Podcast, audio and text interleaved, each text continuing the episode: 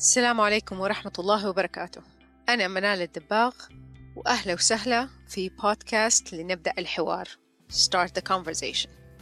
الهدف من البودكاست إنه نبدأ الحوار في مواضيع مختلفة ما أخذت حقها في مساحة الحوار أو ما في أحد يبغى يتكلم فيها. المواضيع مختلفة لكن كلها بتدور حول كيف نقدر نعيش بكليتنا مش كأجزاء متفرقة في تناغم مع الناس حواليننا والبيئة.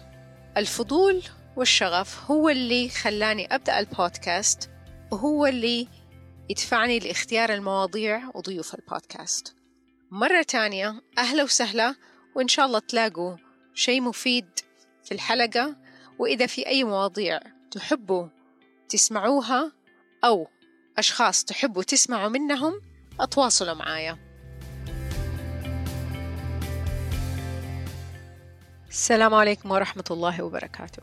حلقة اليوم باللغة الإنجليزية. ضيفي في الحلقة فيليب شيبرد مؤلف كتابين New Self New World و Radical Wholeness مؤسس The Embodied Present Process. في حواري اليوم مع فيليب أتكلمنا عن اتحاد العقل والجسد وكيف في ظل الظروف اللي إحنا بنعيشها الآن نحن بحاجة إنه نرجع للجسد ونعرف كيف نتواصل مع نفسنا ومع الآخرين. أتمنى أنه تستمتعوا بالحوار قد ما أنا استمتعت بحواري مع فيليب. وكالعادة إذا في أي استفسار أو حابين تعرفوا أكثر أتواصلوا معايا. شكراً.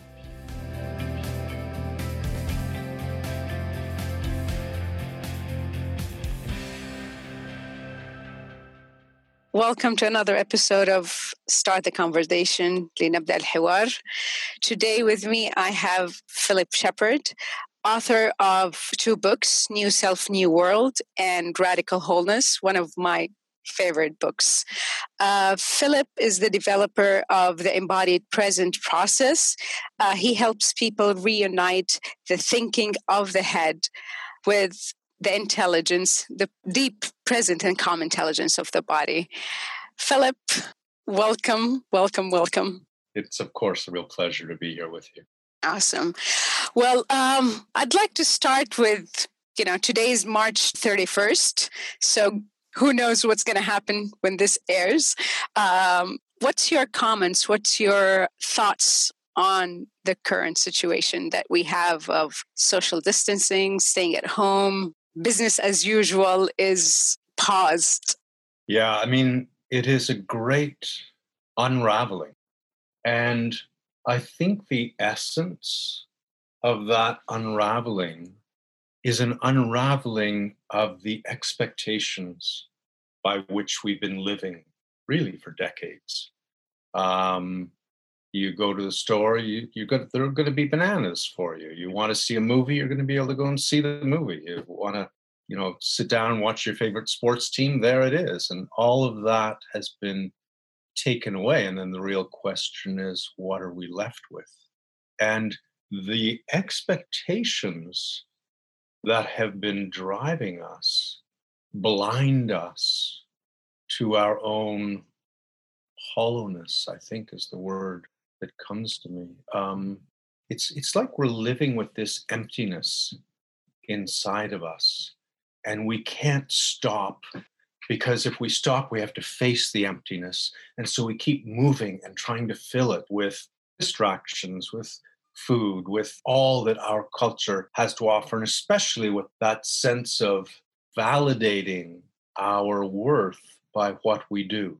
And we, you know, without that assurance of who we are by you know the the emblems of what we do. And those emblems i find it ironic that we justify ourselves by these completely abstract symbols of money of status of prestige of title of and there's there's nothing behind those of any substance. And I think when which is what we're coming back to. All we have are our relationships.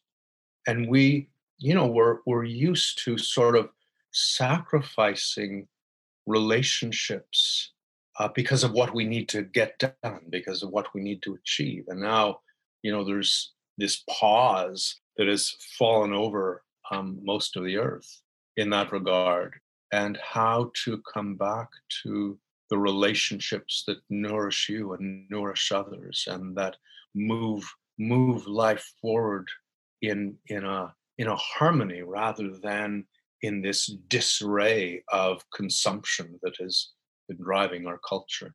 I'm quite amazed on um, how much the need of human connection is becoming apparent.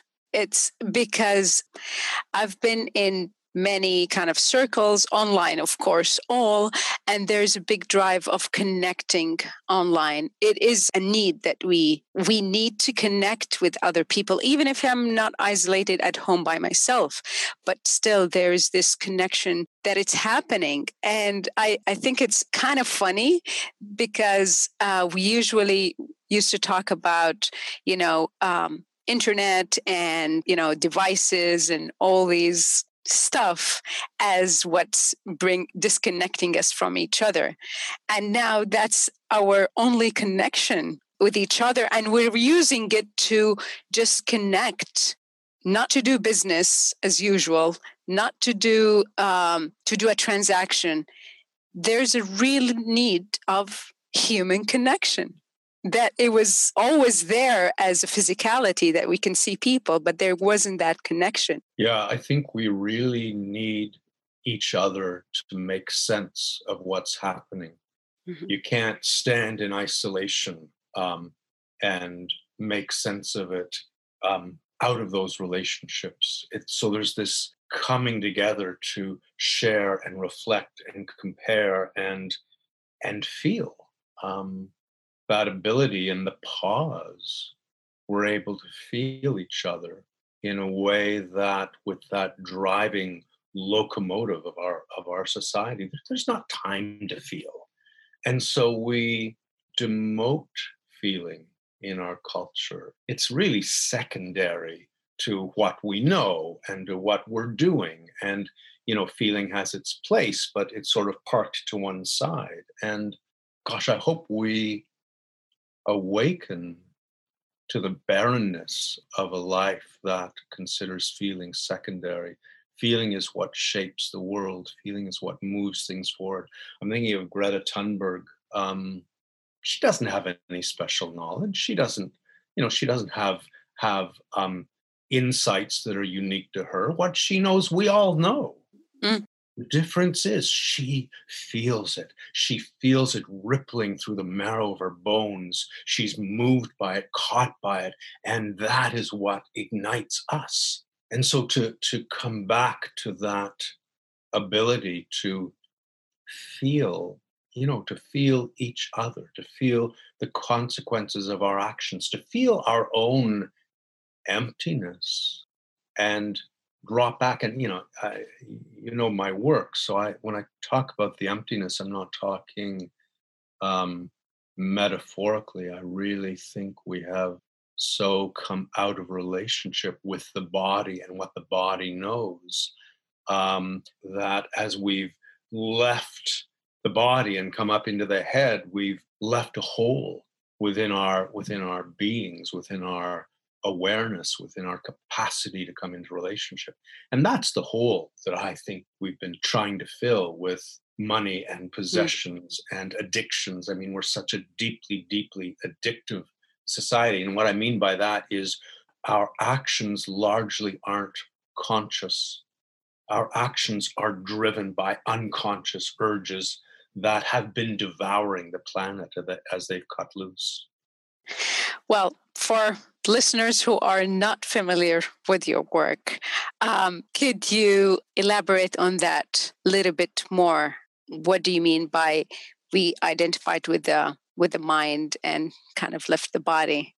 Yeah, I mean it's a it's a really old story, and it's a story that we don't know well. But you know, in in Europe, certainly, um, you go back ten thousand years, and we were sort of emerging from the Paleolithic into the Neolithic. So what that means is we we were discovering how to take seeds and plant them in the ground and grow crops. And the moment you do that, the moment you take that seed and push it into the ground, the whole of the world around you has suddenly changed. So suddenly, that little patch of ground is yours. You mm. own it, right? All there'd been up to that time was was multifarious manifestations of the goddess. The goddess is manifest in a pebble, in a blade of grass, in bird song, and suddenly now there's ownership of this little patch of ground, and and the little weed, you know, the little plant rather mm. growing up beside your shoot is now a weed, and mm. weeds didn't exist until you push that seed into the ground, and the weed has to be killed, and the animal coming along is now vermin that might eat your plant um, and so that has to be taken care of. And the tree um, that's putting your plant in shade has to be cut down because your plant needs sun. And the whole world changes. And we are moving away with that transition from noticing the world around us, feeling it, and coming into harmony with it. And there's so many accounts of um, Aboriginal cultures feeling the world around them in ways we can't imagine. There's one story, uh, Hugh Oliver wrote a book called The Other Side of Eden, where a lot of it is about Aboriginal cultures in Canada.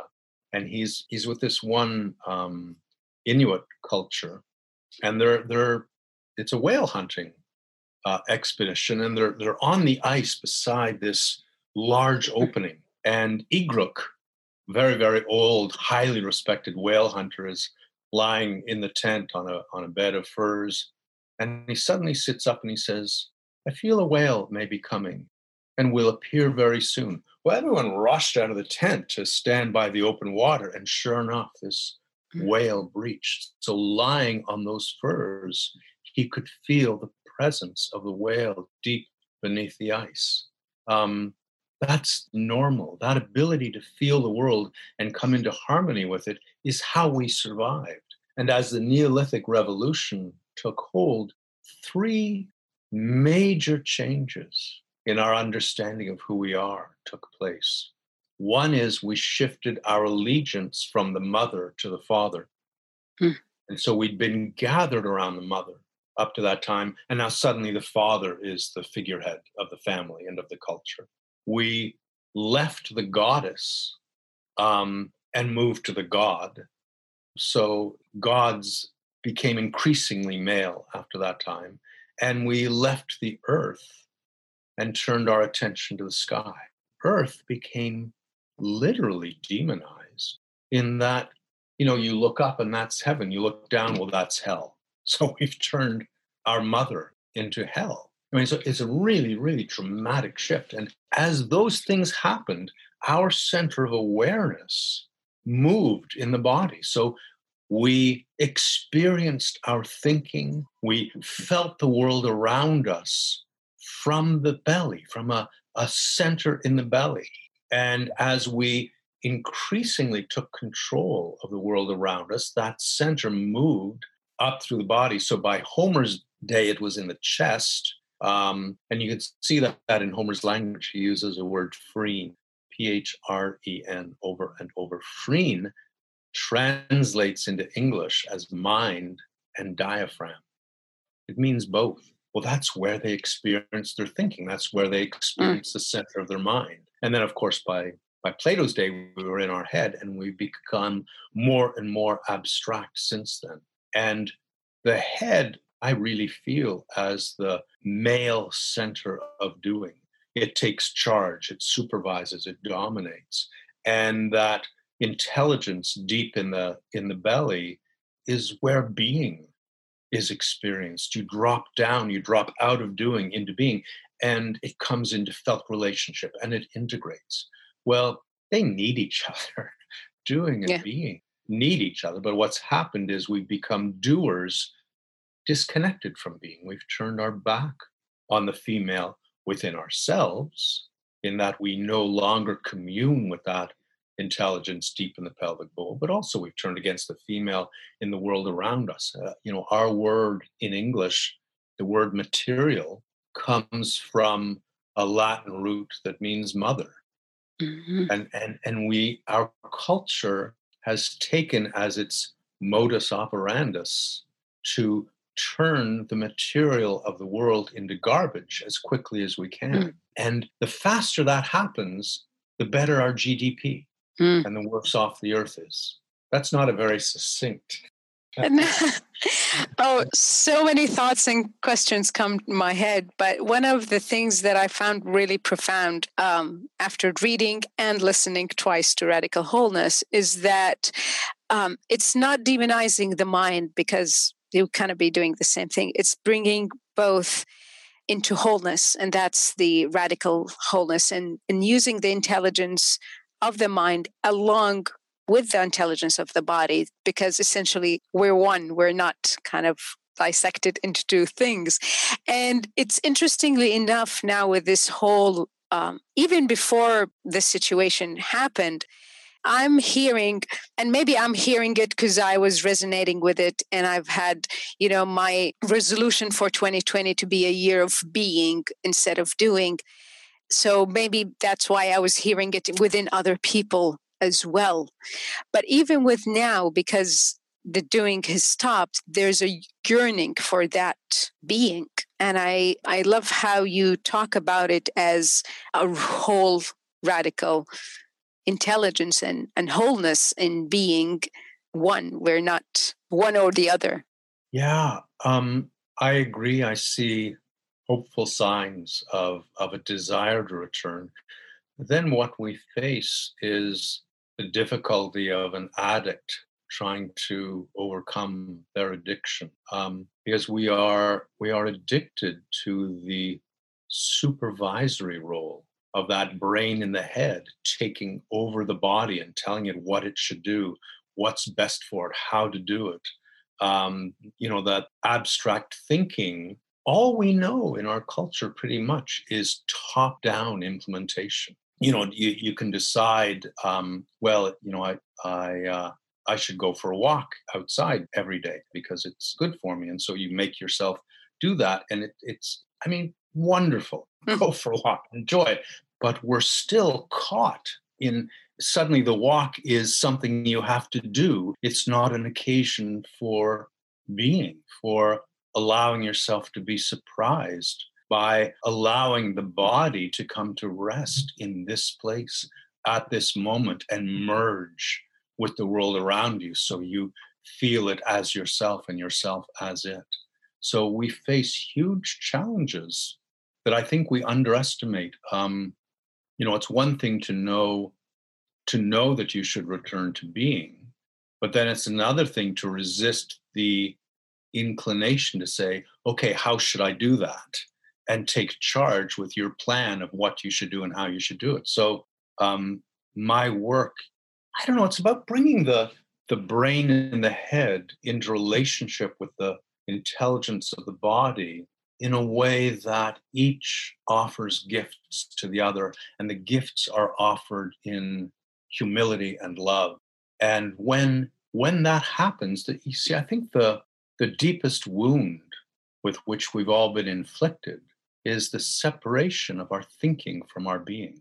And we. I mean, mm-hmm. we've been taught that systematically in school. You know, you sit in this chair as a five year old and hold yourself still and fill your head with these ideas. And, you know, to suppress the body's energy is to suppress the body's intelligence. That there's no other way of, of understanding it. And so we learn that you can think more clearly if you shut down all the noise below the neck and just concentrate on the head and and as our thinking and our being divide in that way, and our thinking then overrides the intelligence of our being, that thinking of the head cannot solve the division with, with being. It's an issue of discovering that you can feel every thought you have. Every thought you have can resonate through the whole of your being, and as it resonates, it clarifies. And you similarly discover that any sensation in the body is a form of thinking. And so you recognize sensation, the sensations of your being as thinking, and your thinking as the sensations of your being, and they they reunite. And then you have a chance at wholeness. Yeah. One of the things that um, kind of stuck with me, and I, I don't know, I'm working on it, or I don't know if I can work on it, uh, is being sensitive to what is. And, you know, a lot of mindfulness practices and being staying with the moment. For me, I never quite understood it very well until you explained, you know, it's what is being really is being sensitive to what is around us and correct me if i'm getting anything wrong but it's it's that sensitivity of what because i'm you know you mentioned going for a walk and that's one of the things that i have in the past said you know what? You know what? I i should i need to get up in the morning and go for a walk or go in the walk in the afternoon.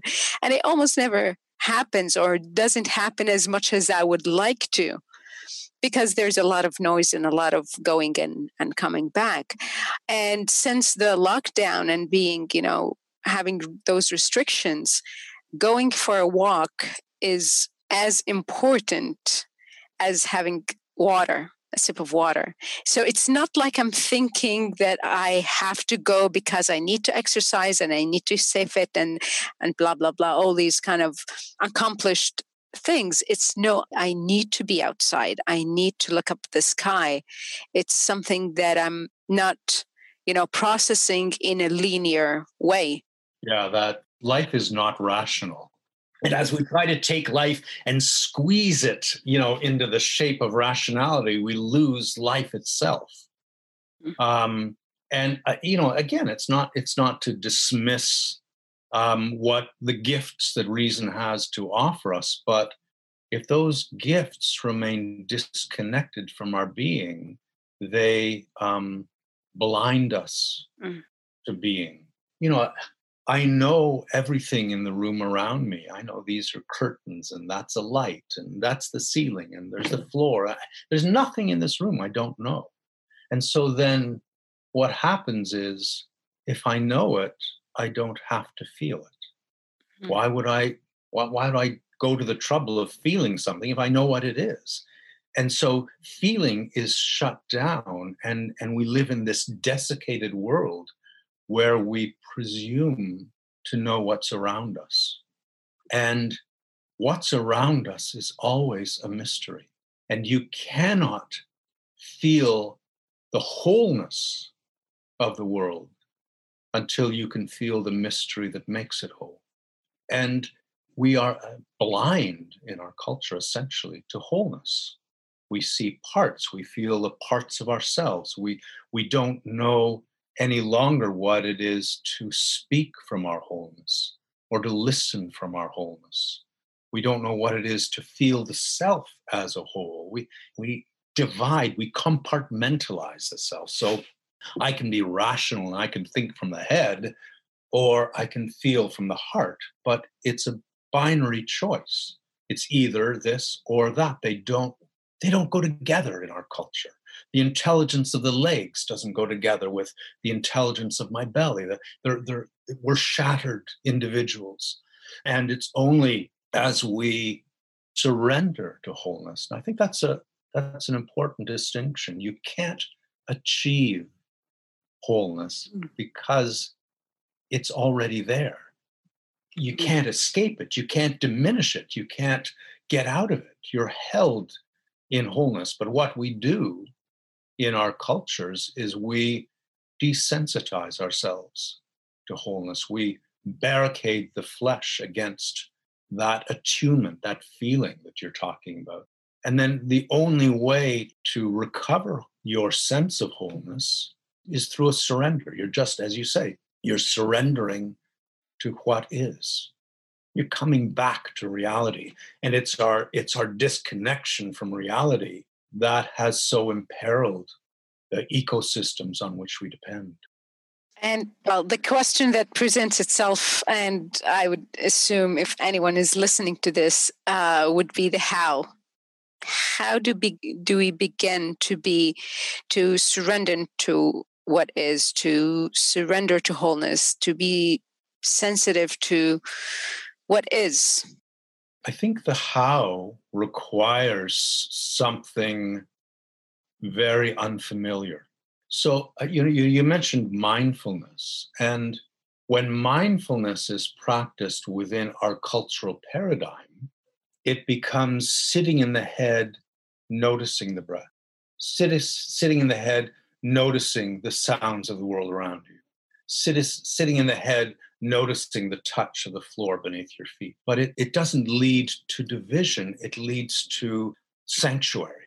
And that confined life of the supervising head has to be softened and undone if we're to follow the how.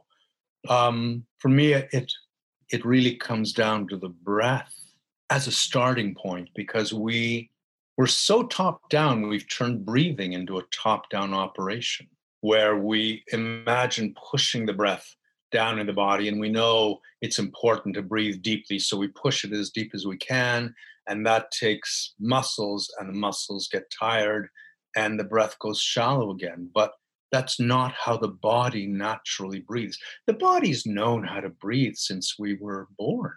And the way the body breathes is it releases to the in breath and it releases to the out breath.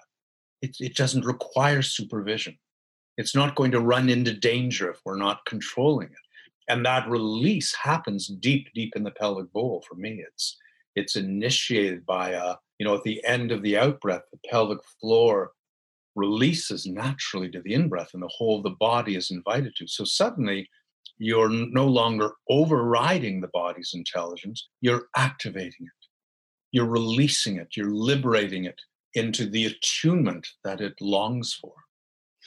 I'll tell you, Philip, I've heard about belly breathing and um, breathing in in so many different contexts martial arts and yoga and but i never quite felt what is that until i've you know you coached me through it and having you know noticed the pelvic bowl and just for me the realization that it is a diaphragm the pelvic floor um, and that kind of shifted my whole breathing sort of practice. Not that I sit there and breathe that way all all day long. I'm I forget that all the time. But if I'm laying down or sitting down and just feel that um, release of the pelvic muscle or or the diaphragm, and feeling that the breath is not the pushing; it's the expansion and the allowing of the air to come in that I got a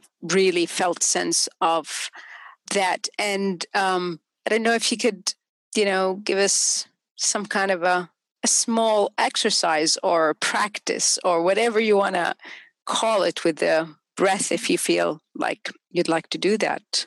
Yeah, it's, I think the, the specific barrier when it comes to the how is that there can be no embodiment until there is a surrender to a larger intelligence. So it's only when you lose control that you can come into harmony. And harmony is what we have sacrificed in our uh, need to assert more and more control of the world around us. Um, as far as a practice, I mean, uh, it would take a while to to coach listeners through the sort of cultural darkness of the pelvic bowl and find that. But I'd be happy to talk through uh, a little practice that might um, be like one stepping stone that they could begin their own inquiry and follow. Yeah, that would be great. And I'll add your um, website, of course, to the episode notes. And I know that they can, um, at least as far as I remember when I did that, they can uh, g- uh, get an audio of the trickle down um, practice. And that's quite, um, I found it profound uh, when I got to do it and I was coached. with it with you so yeah but i usually when i'm talking to people about embodiment and and my in all my activities is there's a tendency of complicating stuff. And when I begin, it's like I'm not teaching ABC. I'm just giving you an idea of the A that there is an A because that that of itself and at least that's my experience of it it takes a practice and it takes time it's not a magic pill. It wouldn't be great if if that would be we could take a pill every day and be sensitive to what is. yeah, although I, it, it, would also be a little sad in a way. Yeah. Oh no, because the process is um, is different, and you've been practicing this for how many years? Since I was a teenager, which was at least fifteen years ago. Oh yeah, absolutely. okay, so if you could give us that, you know, five minutes, even maybe less. No, of... I'd, I'd, I'd be happy to. Um, and there, I, am I'm, I'm glad you said that about the pill. Um, what we need, I think, what we're being called to collectively, is to forge a new way of being. And and that doesn't. There's no quick fix for that there are layers and layers of habit that that need to be felt and gently integrated in order to open to the world in a new way and to undo that driving craving emptiness that has been despoiling the planet it's a it's a journey without end um, absolutely and i think it's a blessing that it's taking it's going to take a while. It's not a two weeks because everyone i think at least there was kind of this desire that this is going to be a short term thing and then life would go on but i think there's a blessing that it's taking a long time that you know almost every habit we have would be forced to change or shift. Um, and i love um, you putting that focus on gentleness and I have it. I, I don't know since when. When was the last time we we did? A, I did a coaching session. I have it on a post-it. Ah, beautiful. As and I have it on my computer. Gentleness and beauty.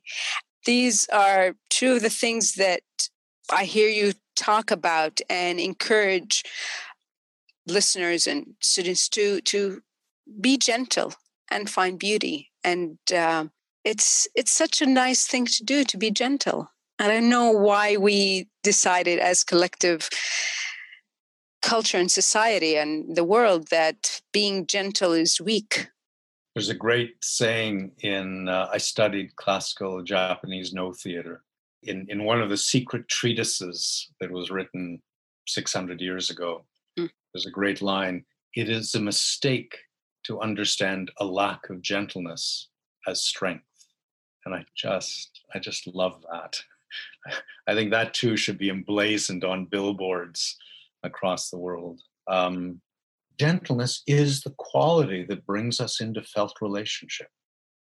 And we have so gravitated towards known relationship, towards knowing, knowing, knowing everything in a way that lets us off the hook for feeling, that we've, we've depleted our own living of the undercurrents of feeling that nourish us. So we're trying to nourish ourselves in, in ways that are inappropriate. And to come back to gentleness is to open the door to felt relationship. And there's so much nourishment there. And not just, you know, not just of ourselves, but of, of the world around us earlier when you talk you were talking about you know the room you're sitting in that you know we know this is a curtain this is this and you know i know this is a tree i know this is a butterfly. That's it that's a full stop. Okay this is a tree and and that's about that. There is no relationship between the two i know it and that's it but when there is feeling of the tree even just maybe looking at a tree and and feeling how long how noticing what's you know the leaves are green yellow whatever it is then there becomes starts a relationship with with the tree with the curtain with what what's what's around that. So really we can't have a, a relationship without feeling.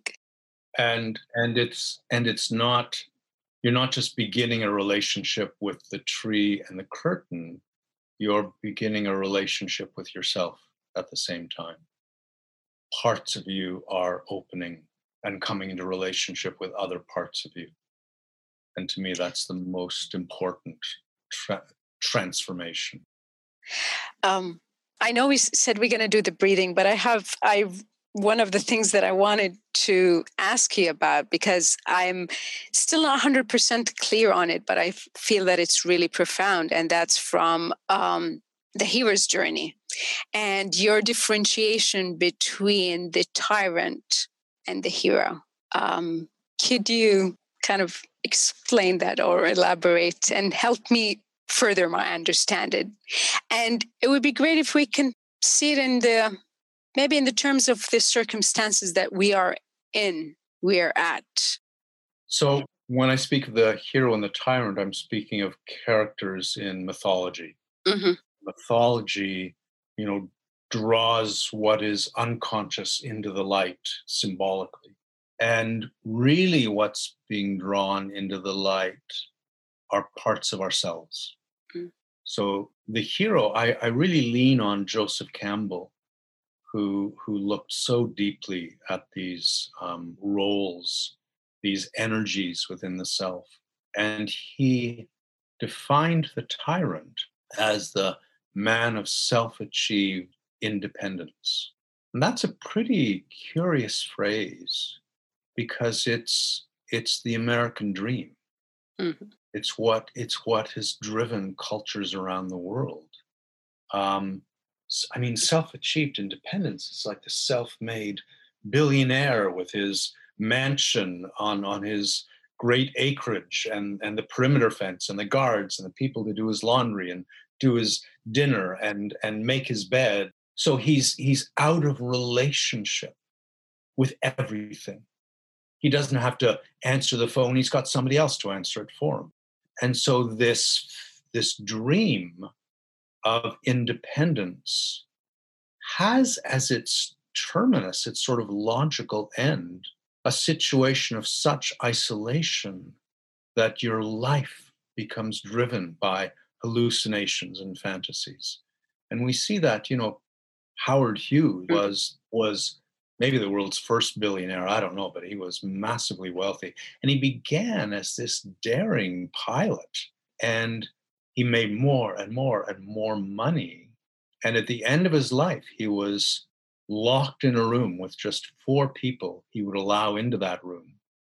And every time he went to touch something, he would pull a new Kleenex from the box so he wouldn't actually have to touch it. And he was mad.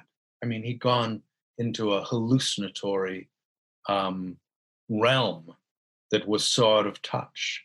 I see that as our culture at the moment. We have isolated ourselves from nature.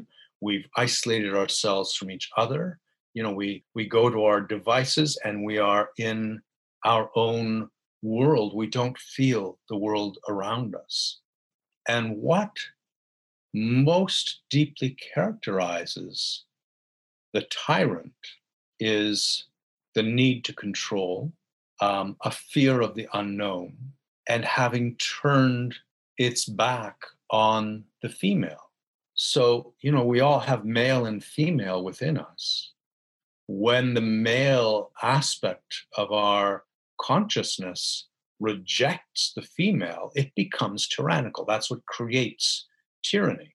Mm-hmm. And the female is the earth, the female is the mystery, the female is the unknown that can be felt and never, never objectified and you know to recognize within ourselves that desire that urge to isolate to control to um, stand apart from the world if you can if you can isolate sufficiently from the world it can't get to you and mm. maybe you'll be safe and that's the that's sort of the underlying promise of it but life isn't safe i mean if if you're alive you're going to be hurt. You're going to get sick. You're going to die. All of these things will happen. Being alive is a state in which you are not safe.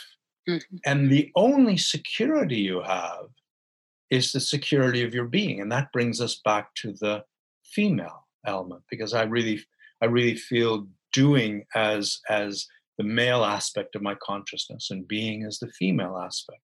And so the hero, in contrast to the tyrant who I mean, I feel I feel that tyrannical impulse in my head, wanting to know, wanting to control, wanting to supervise, wanting to get it right, as if there were such a thing as right. Mm. All there is is alive. Getting it right is a fantasy. Independence is a fantasy.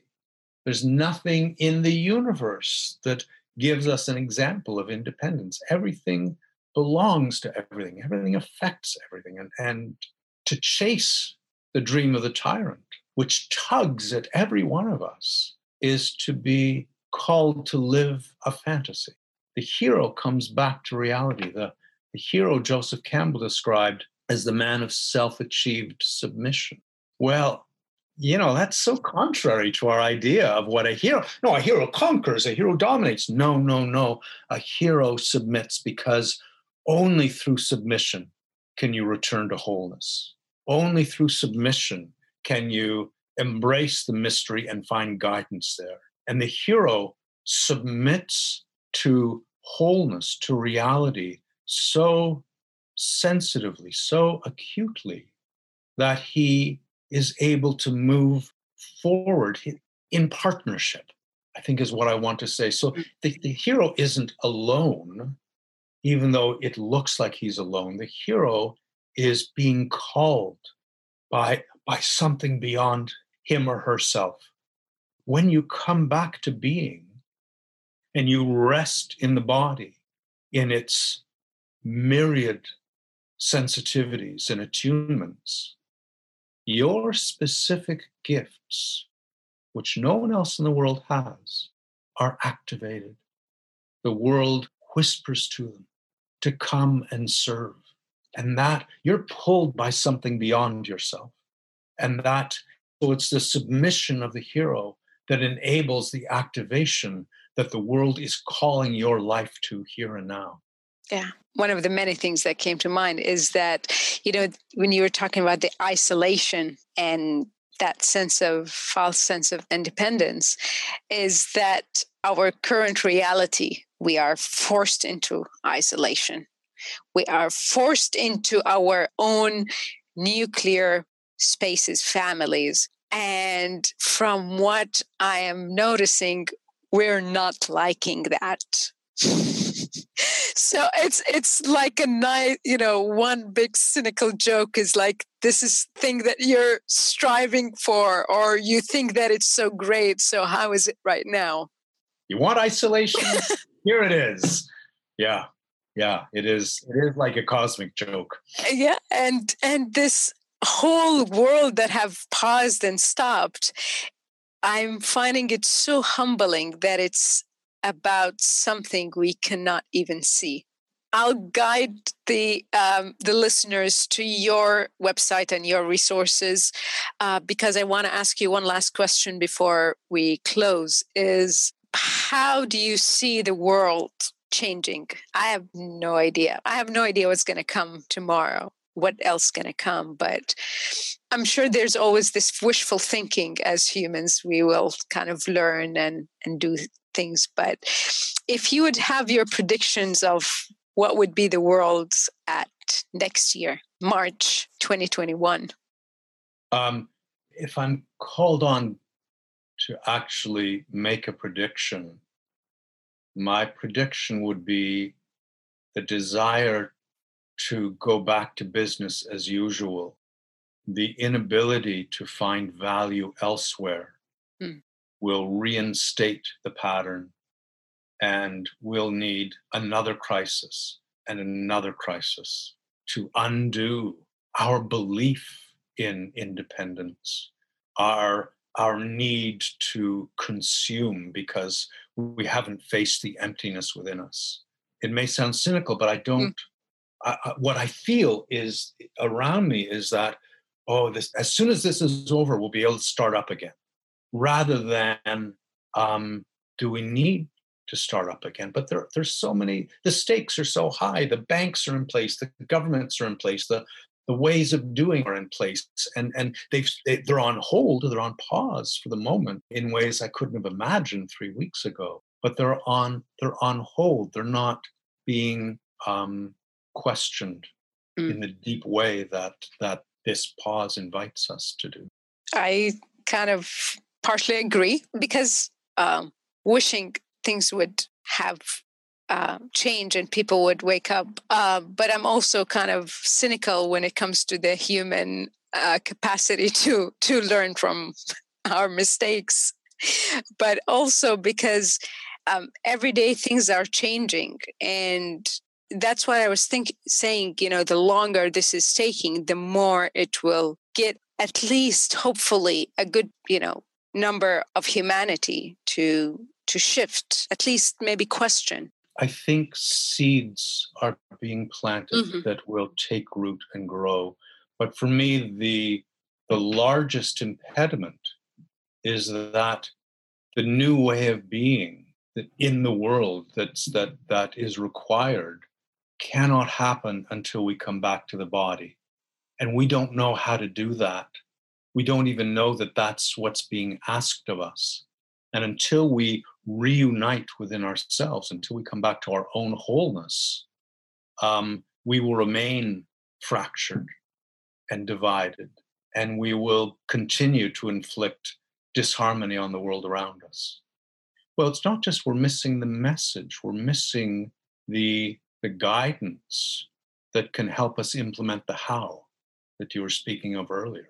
I mean you can want to come back to the body but but then you're up in your head with this desire figuring out how to do it. So it's not a it's not through malice that we're not making that journey. It's through um, the fact that we are we are in this paradigm that has taught us how to solve our problems.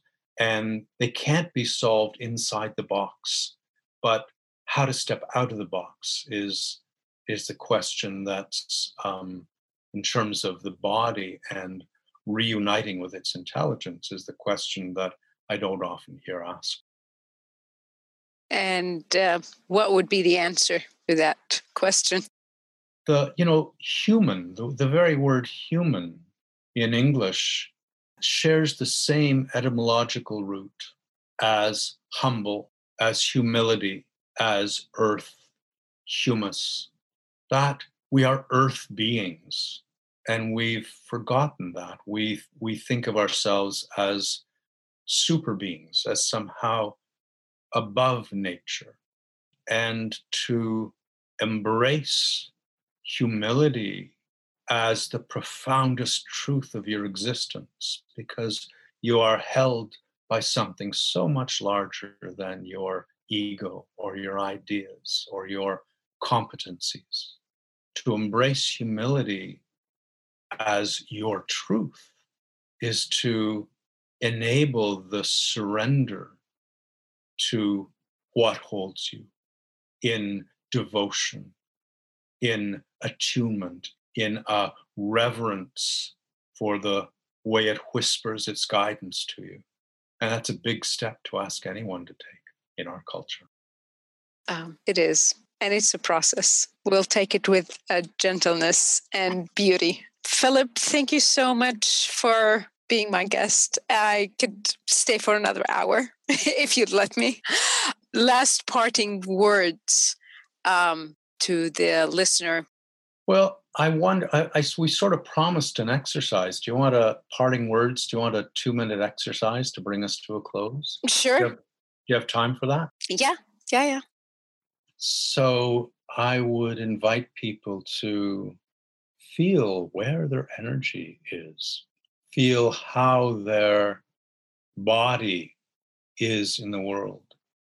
Just notice where you're at without any desire to change it, without any inclination to want it to be a certain way. It's so important to feel it as it is. You may notice uh, an energy in the head or an energy in the chest. You may notice a disconnection from the earth, and and notice whatever you notice without wanting to organize it in a different way. And then bring your awareness to the breath and feel the breath drop into the body and release out. And feel the out breath and let the out breath move just a little beyond what it might normally do. So the out breath is a little exaggerated, and then just let go of the body and feel how gently the in breath comes into it. And be aware of the breath wave that started with that release in the belly. Belly softens to the in breath and softens to the out breath. And there's a gentle wave that's initiated that begins to travel through the body. As you gently release to the in breath, there's a wave that maybe travels down through the legs, that maybe travels up through the back to the top of the head. Allow the breath wave to include bit by bit the whole of the body. So you feel the whole of the body softening to the breath. And as it does, be aware of all that energy, be aware of everything you're feeling at the moment. And let the breath wave move into that as well. So it's all embraced by the breath wave. And as it's embraced by the breath wave, feel it coming into a different relationship. And feel that energy gently, gently settling. So it's a sense of coming to a place of rest. It's a sense of coming to a, a kind of peace and still. The breath wave opens and gathers and settles. And finally, all that energy is brought into a calm and a coherence. Thank you, Philip. Thank you, Manal. It's been such a pleasure. It's been such a treat. Pleasure is mine.